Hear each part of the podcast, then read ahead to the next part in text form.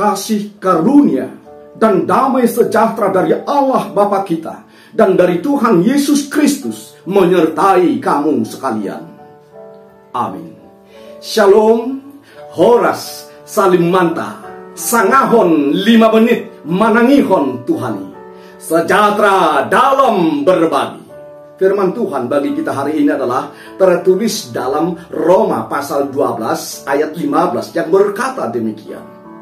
Bersukacitalah dengan orang yang bersukacita dan menangislah dengan orang yang menangis. Marlas ni roha mahamurap dohot akana marlas ni roha. Jala tangis mahamurap dohot akana tangis. Saudaraku, saya menyebut judul daripada firman ini adalah setia kawan setia kawan, maka di sana akan kita lihat seperasaan dan sepenanggungan sesama sahabat. Saya pernah melihat seseorang betapa sukacitanya dia bersorak-sorai ketika dia melihat sebuah pertandingan saudara sebangsanya memperoleh juara. Dia bergembira sekali. Pada saat yang berbeda, saya melihat seseorang ketika memberikan kata-kata penghiburan kepada sahabatnya yang meninggal orang tuanya pada saat itu. Dia menyampaikan kata-kata penghiburan sambil meneteskan air mata dan menangis.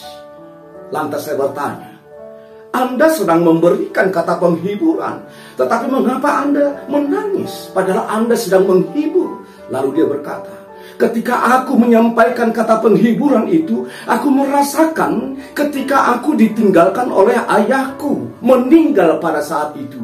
Sehingga aku merasakan apa yang dia rasakan. Saudaraku, inilah yang disebut dengan empati. Apa itu empati? Empati adalah keadaan mental yang membuat seseorang merasa atau mengidentifikasi dirinya dalam keadaan perasaan atau pikiran yang sama dengan orang atau kelompok lain. Memosisikan diri seolah-olah kita sendiri yang tengah mengalami kesulitan, mengalami duka tersebut, dan mengalami sukacita tersebut. Memang mudah bagi kita untuk mengucapkan aku turut berempati dengan apa yang kamu alami saat ini. Namun dalam kekristenan ucapan saja tidaklah cukup. Empati dalam kekristenan perlu dilandasi dengan tindakan kasih. Dengan demikian, kita diminta untuk dapat mengadaptasikan perasaan atau suasana hati kita terhadap suasana hati orang lain.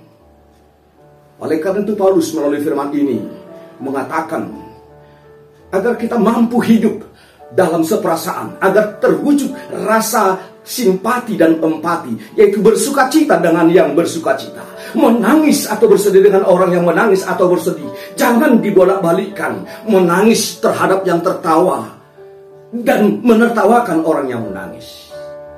Tuhan membentuk engkau menjadi orang yang berempati dan bersimpati. Kita berdoa. Terima kasih Bapak di surga atas firman yang telah menyapa kami pada saat ini.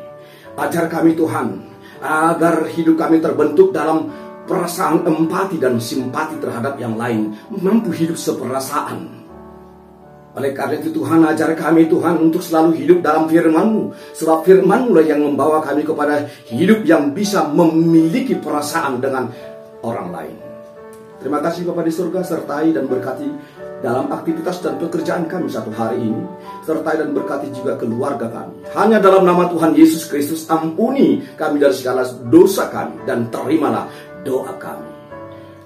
Amin. Kasih karunia dari Tuhan Yesus Kristus, anugerah dari Allah Bapa dan persekutuan Roh Kudus menyertai dan memberkati kamu sekalian. Amin. Shalom.